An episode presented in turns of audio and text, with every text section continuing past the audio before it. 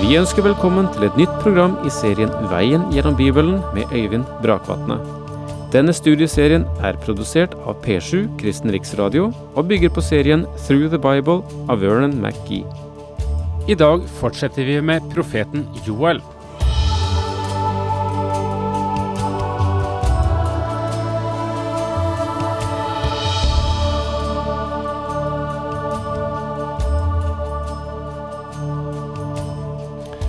Da vi var sammen sist, eh, rakk vi så vidt å begynne på profeten Joel. Det vil si vi la et fundament ved å gi en bakgrunn for dette skriftet. Meget viktige profetiske skrift.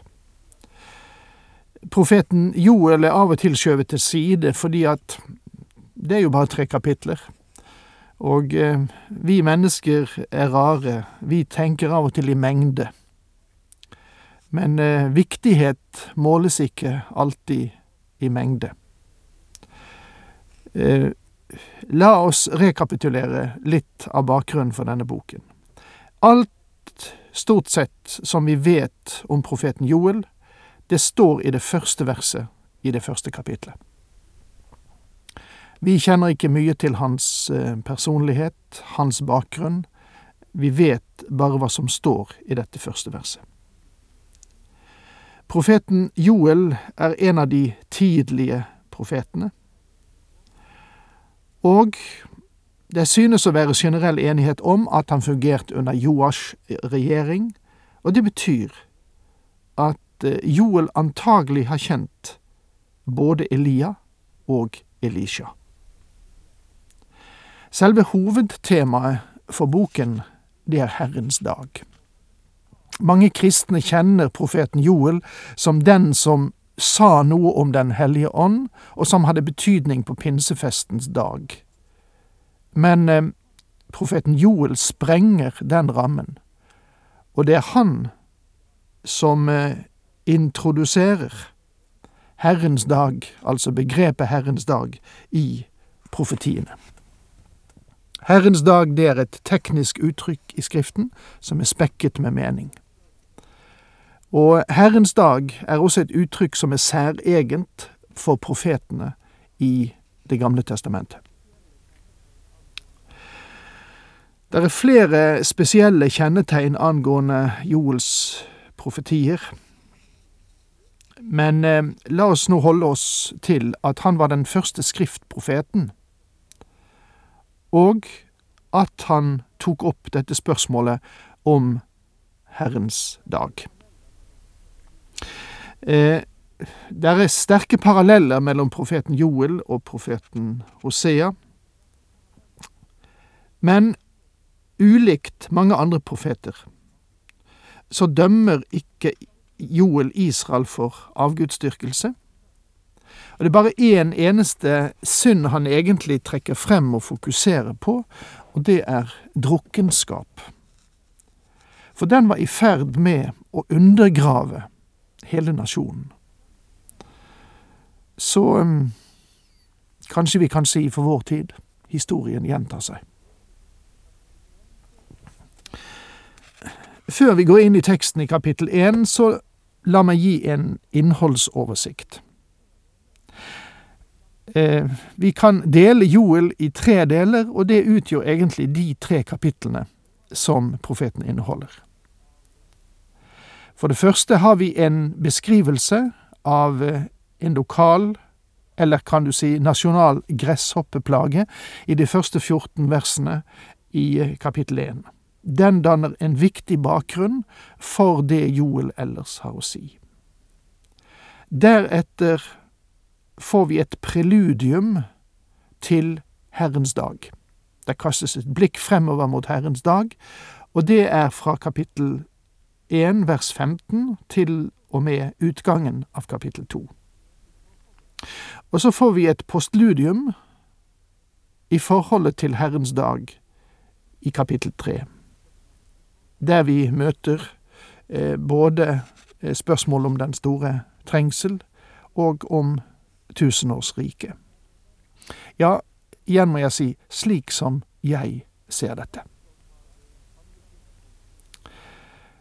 Der er dem som har eh, andre synspunkter på, på profeten Joel og på profetiene i denne mektige bok. Og eh, jeg har forsøkt å lese gjennom en rekke kommentarer omkring dette, og vær klar over at det er andre som ser situasjonen fra noe annet, en noe annen synsvinkel enn jeg, kanskje. Eh, men det må jeg overlate til dere som lytter. Jeg fører frem én linje, og av og til kommenterer at her er andre synspunkter, der det kan være særlige eh, kontroversielle avsnitt. Og så får dere selv ta stilling. Så til teksten i eh, Joels profetbok. Vi begynner med kapittel én, selvfølgelig. Altså, denne boken inneholder bare tre korte kapitler, men har en meget viktig funksjon i Skriften. Som den første av skriftprofetene er det Joel som introduserer og definerer begrepet Herrens dag. Dette er Herrens ord som kom til Joel, sønn av Petuel. Det er dem som har ment at Joel var sønn av Samuel, for han hadde en sønn som het Joel. Det kan du få vite om du går til første Samuels bok kapittel åtte og leser de to første versene.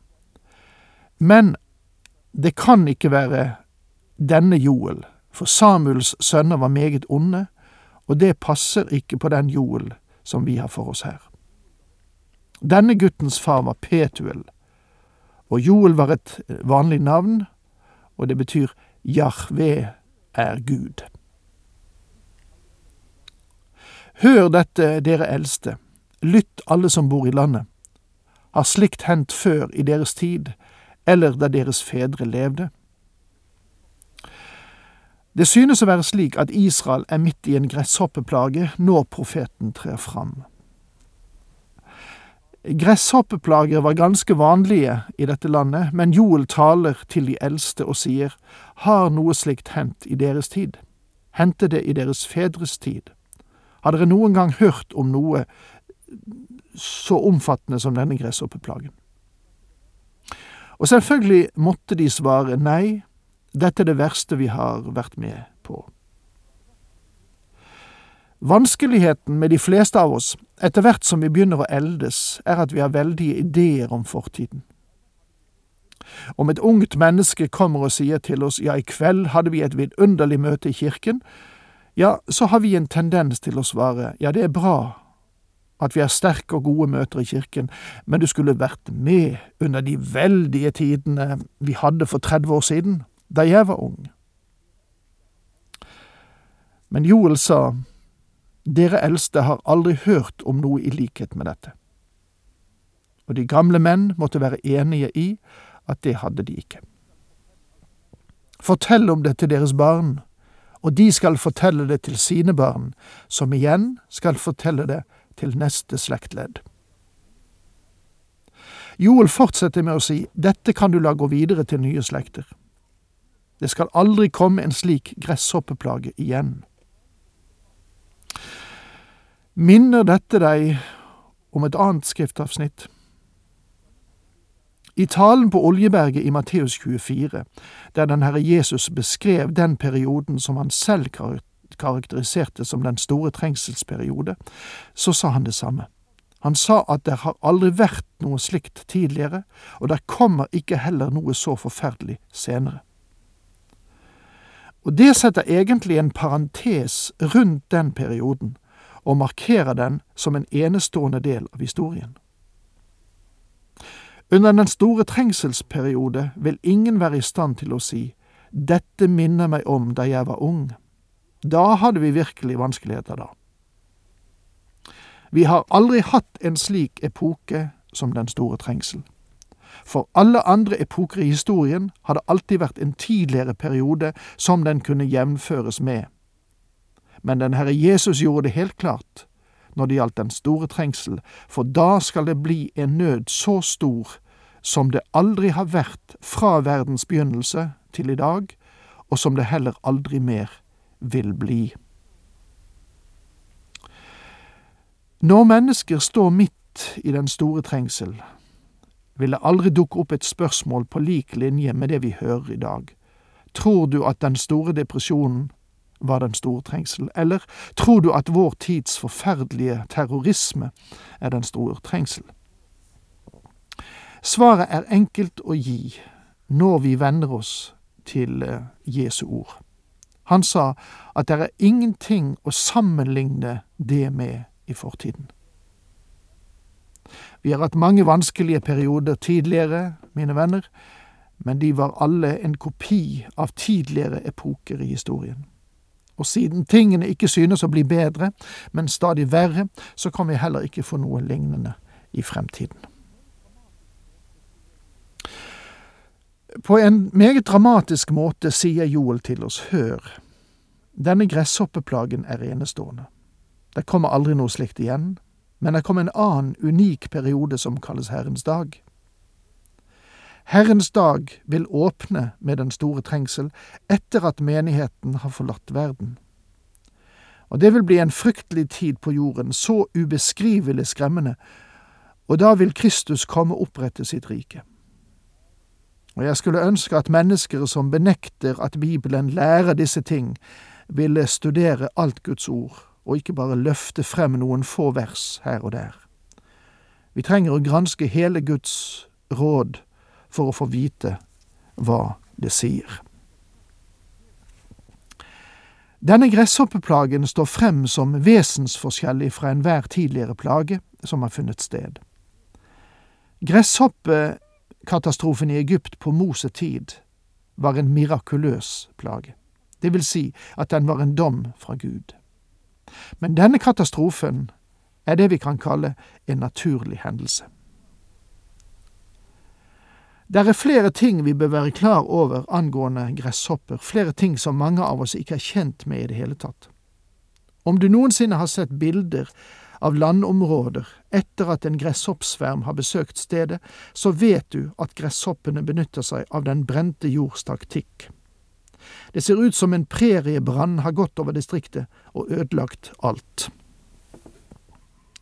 Guds ord taler om gresshopper. Og et vers jeg vil gjøre oppmerksom på, er ordspråkene 30 eh, vers 27, der det står slik.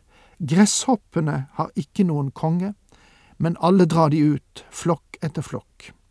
Gresshoppene marsjerer som en armé, og de er delt opp i grupper der de drar fram. Det hjelper oss til å forstå Joels beskrivelse av gresshoppeplagen når vi nå kommer til vers fire. Det åmen levnet, åt gresshoppen opp. Det gresshoppen levnet, åt larven opp. Det larven levnet, åt gnageren opp. Dette er et vesentlig og sentralt vers for forståelsen videre av eh, Joel, og det må vi ta neste gang, for nå er tiden ute. Takk for nå, Herren med deg.